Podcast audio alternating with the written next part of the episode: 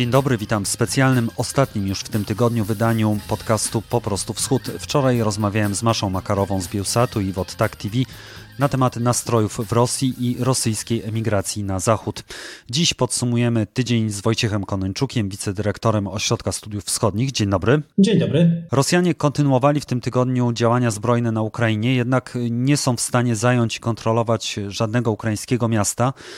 Czy Moskwa ma w ogóle jakiś konkretny plan tych działań? Bo można odnieść wrażenie, że ten atak następuje z różnych stron, ale nie ma jakiejś zwięzłej koncepcji tych działań. Myślę, że ta zwięzła koncepcja była na samym początku. Znaczy, Rosjanie zakładali po pierwsze wejście z każdego z e, kierunków, w tym od strony białoruskiej, co jak dowiedzieliśmy się z czwartkowego wywiadu z szefem Ros Rosji Ukraińskiej Rady Bezpieczeństwa i Obrony e, Daniłowem, który stwierdził, że akurat atak ze strony Białorusi był dla nich zaskoczeniem. Ja przyznaję, że jestem zaskoczony tym, że to było zaskoczeniem dla osób, które za obronność państwa ukraińskiego odpowiadają.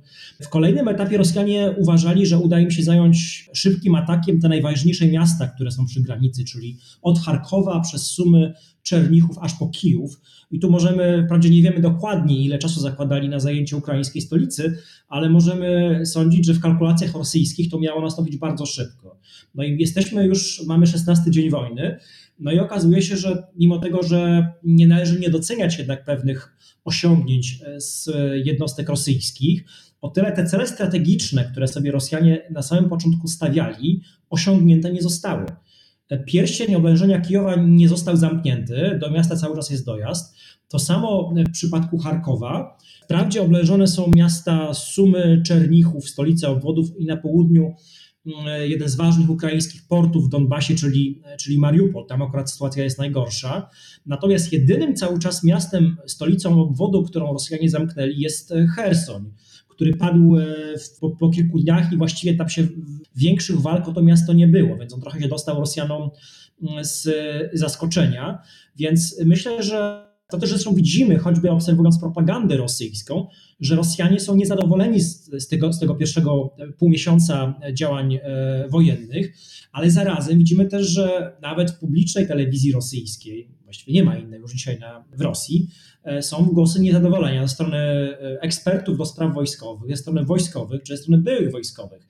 Więc to by nam e, kazało sądzić, że no ta, ta, ta operacja z punktu widzenia Moskwy powinna była wyglądać zupełnie inaczej. Ale te głosy niezadowolenia my możemy odczytywać jako coś takiego, co miałoby doprowadzić do wycofania się Rosji, a może jest wręcz przeciwnie, może to właśnie jeszcze bardziej stworzy agresywne działania rosyjskie, bo już widzimy kadyrowców, którzy się wybierają, już Putin mówi o najemnikach, więc wydaje się, że ten brak efektu oznacza zaostrzenie tych działań. Niestety brutalizacja tej wojny postępuje z każdym kolejnym dniem. O ile w pierwszych dniach rosyjskiej agresji Rosjanie nie tyle nie, nie celowali w e, obiekty cywilne, aczkolwiek te ostrzały nie były tak, cię, tak ciężkie i tak częste, jak ma to miejsce w ostatnich w ostatnich dniach. Tutaj widać, że właśnie agresywność działań rosyjskich, rakiety, które i, pociski, które trafiają w cele cywilne, także szkoły czy, czy szpitale, to już ponad 200 e, tego typu obiektów cywilnych zostało albo zniszczonych, albo,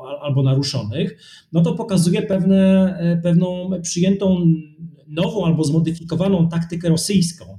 Widać, że celem rosyjskim jest teraz zastraszenie mieszkańców, cywilnych, jest e, próba e, stworzenia kryzysów humanitarnych w tych miastach, które są pod, e, pod oblężeniem rosyjskim. Jak już mówiliśmy, najtrudniejsza sytuacja jest w Mariupolu, gdzie miasto jest oblężone od 1 marca. Nie ma tam elektryczności, nie ma tam dostaw energii, no i brakuje także, także wody, więc sytuacja tam jest z każdym dniem coraz bardziej katastroficzna. Także się mówi według tych danych władz miejskich, które tam pozostają, mówi się już nawet o, o grubo ponad tysiącu ofiar cywilnych.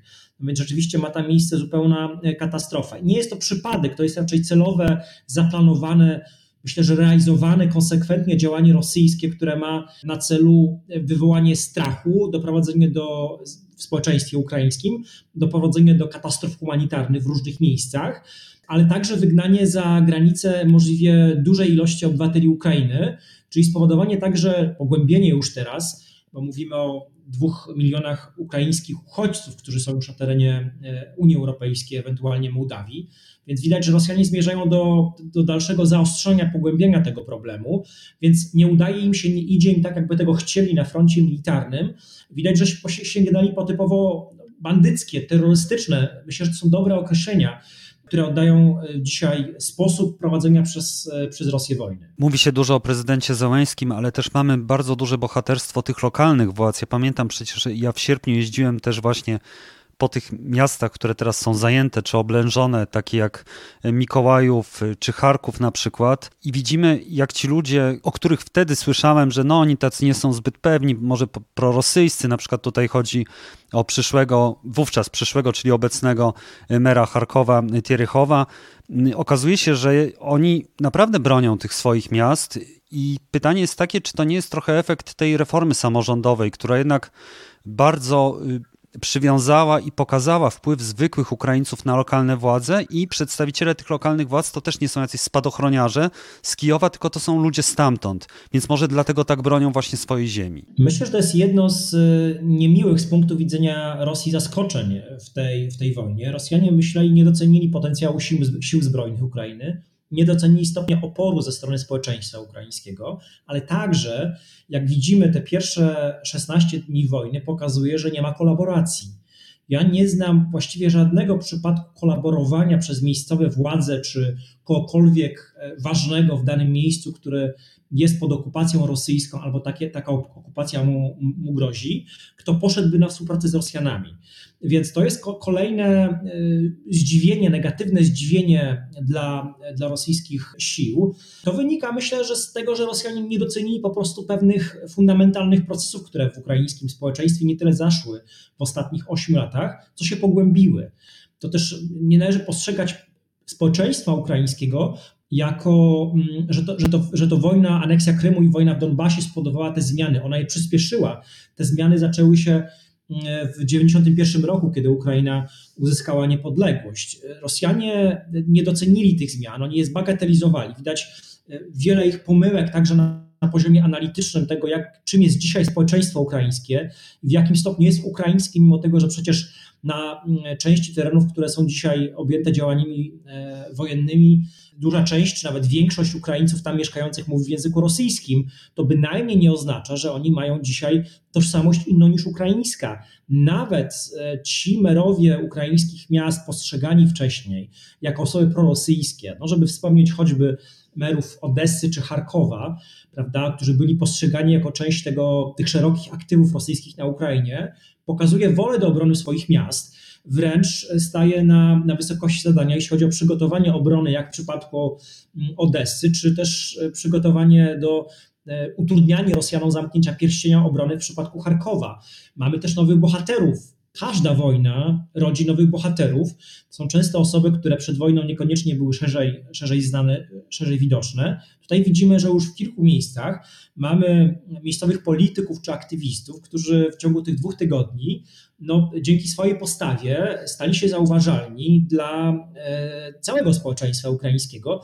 Jeden z takich charakterystycznych przykładów jest e, gubernator obwodu e, mikołajowskiego, Witalij Kim, młoda osoba, bardzo sprawnie organizująca obronę miasta, a zarazem zagrzewająca w takiej codziennej komunikacji w sieciach społecznościowych e, mieszkańców miasta do, do obrony. On myślę, że trochę pewne wzorce czerpie od prezydenta Zeleńskiego, który stał się takim swoistym chyba wzorcem z Sewry, jeśli chodzi o, o to, jak się lider państwa powinien komunikować z własnym społeczeństwem w przypadku agresji zewnętrznej.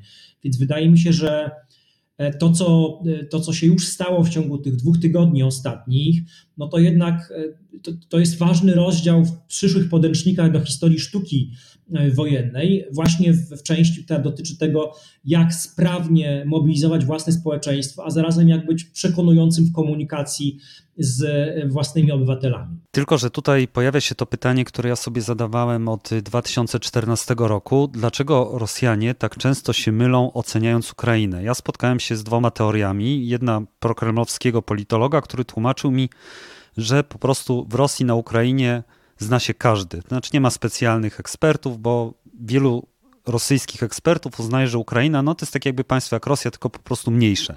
E, druga teoria mówi o tym, że są pewne ośrodki badawcze, które y, żyją z grantów państwowych i one starają się po prostu dawać y, takie rozwiązania, które są do zaakceptowania przez Kreml i efekty później właśnie widać. Ale wydawało mi się, że Rosjanie powinni się czegoś nauczyć przez te 8 lat wojny, a tymczasem popełniają właściwie ten sam błąd, co w 2014 roku. Z czego to może wynikać? To jest bardzo celna uwaga, ja się z nią zgadzam, co do tego, że pewne e, schematy działania rosyjskie przypominają to, co miało miejsce w 2014 czy 2015 roku.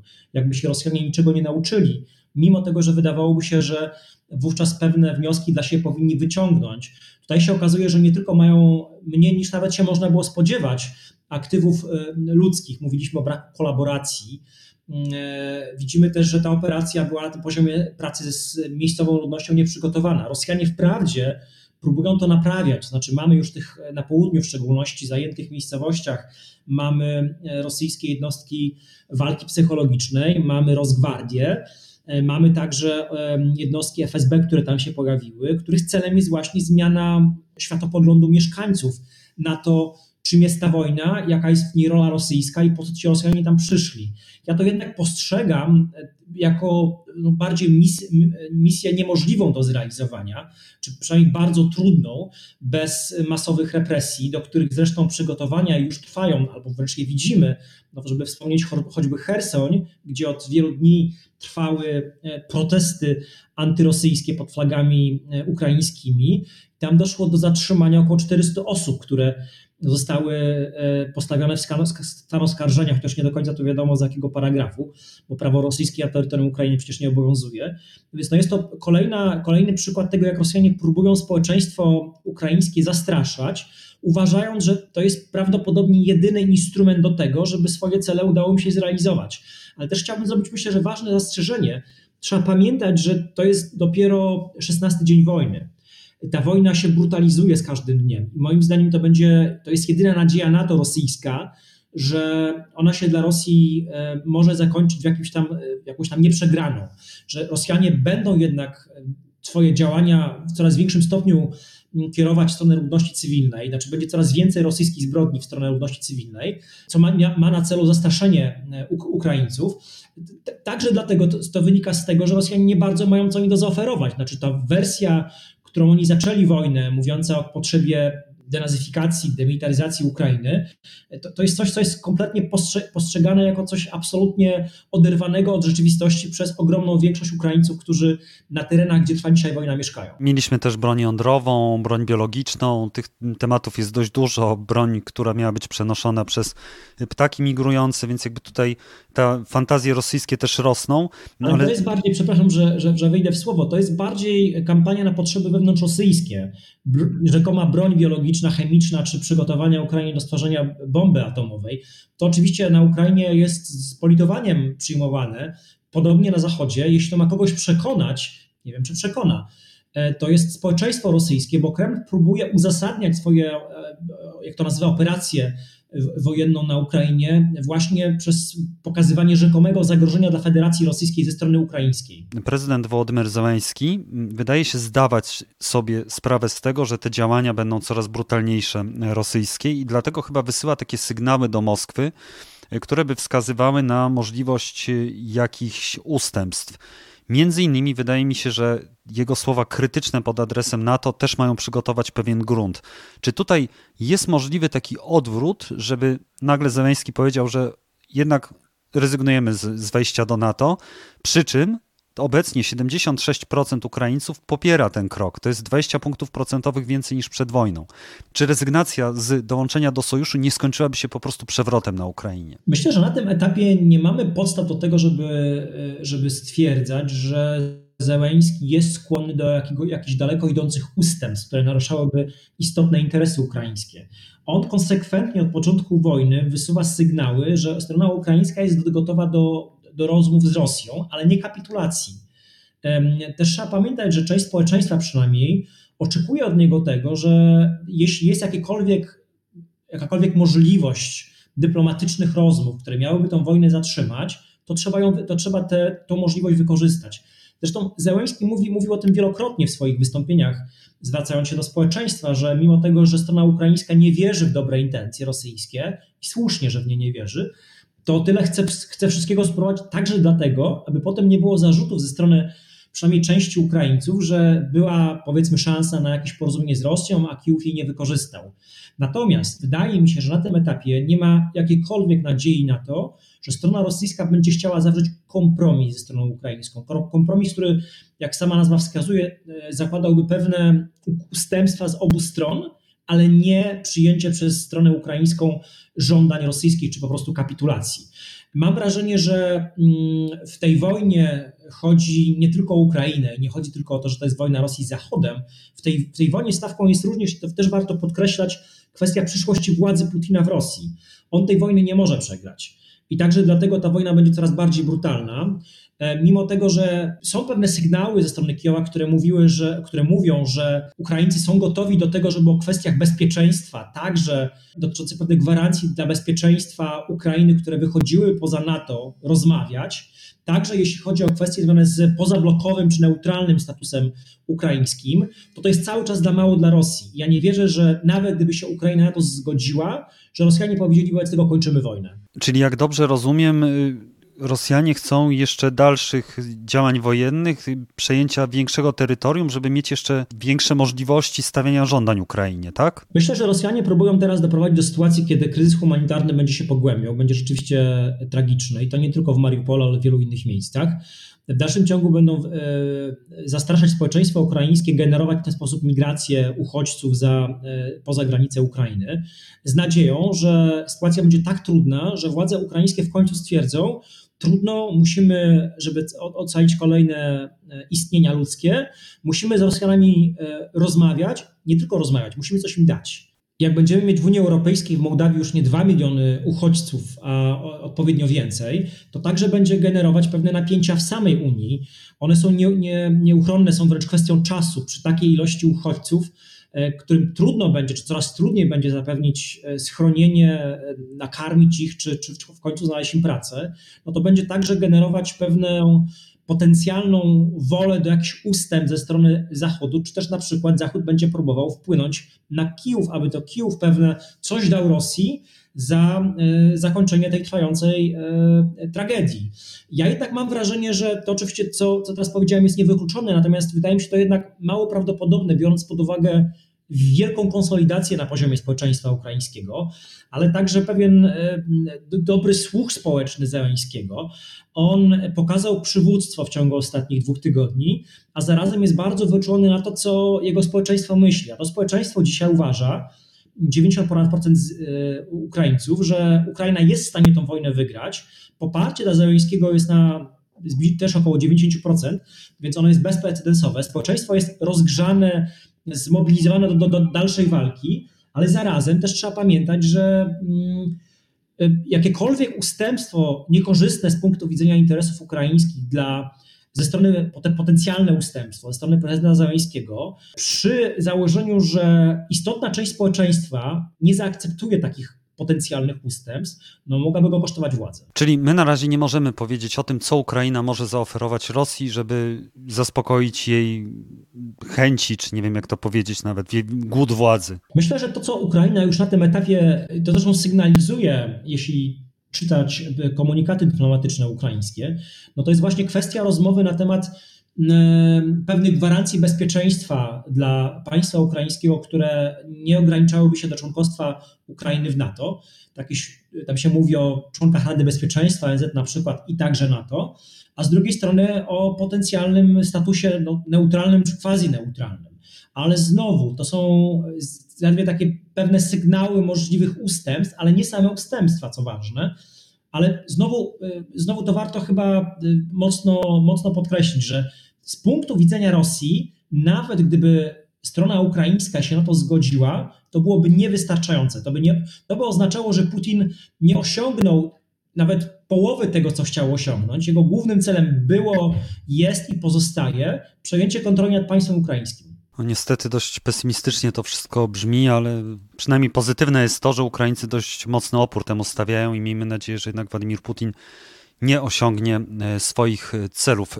Wojciech Konończuk, wicedyrektor Ośrodka Studiów Wschodnich, bardzo dziękuję. Dziękuję również. A to było specjalne wydanie podcastu Po prostu Wschód. Bardzo dziękuję za uwagę. Następne już w poniedziałek. Do usłyszenia. Żegna się z Państwem Piotr Pogorzelski.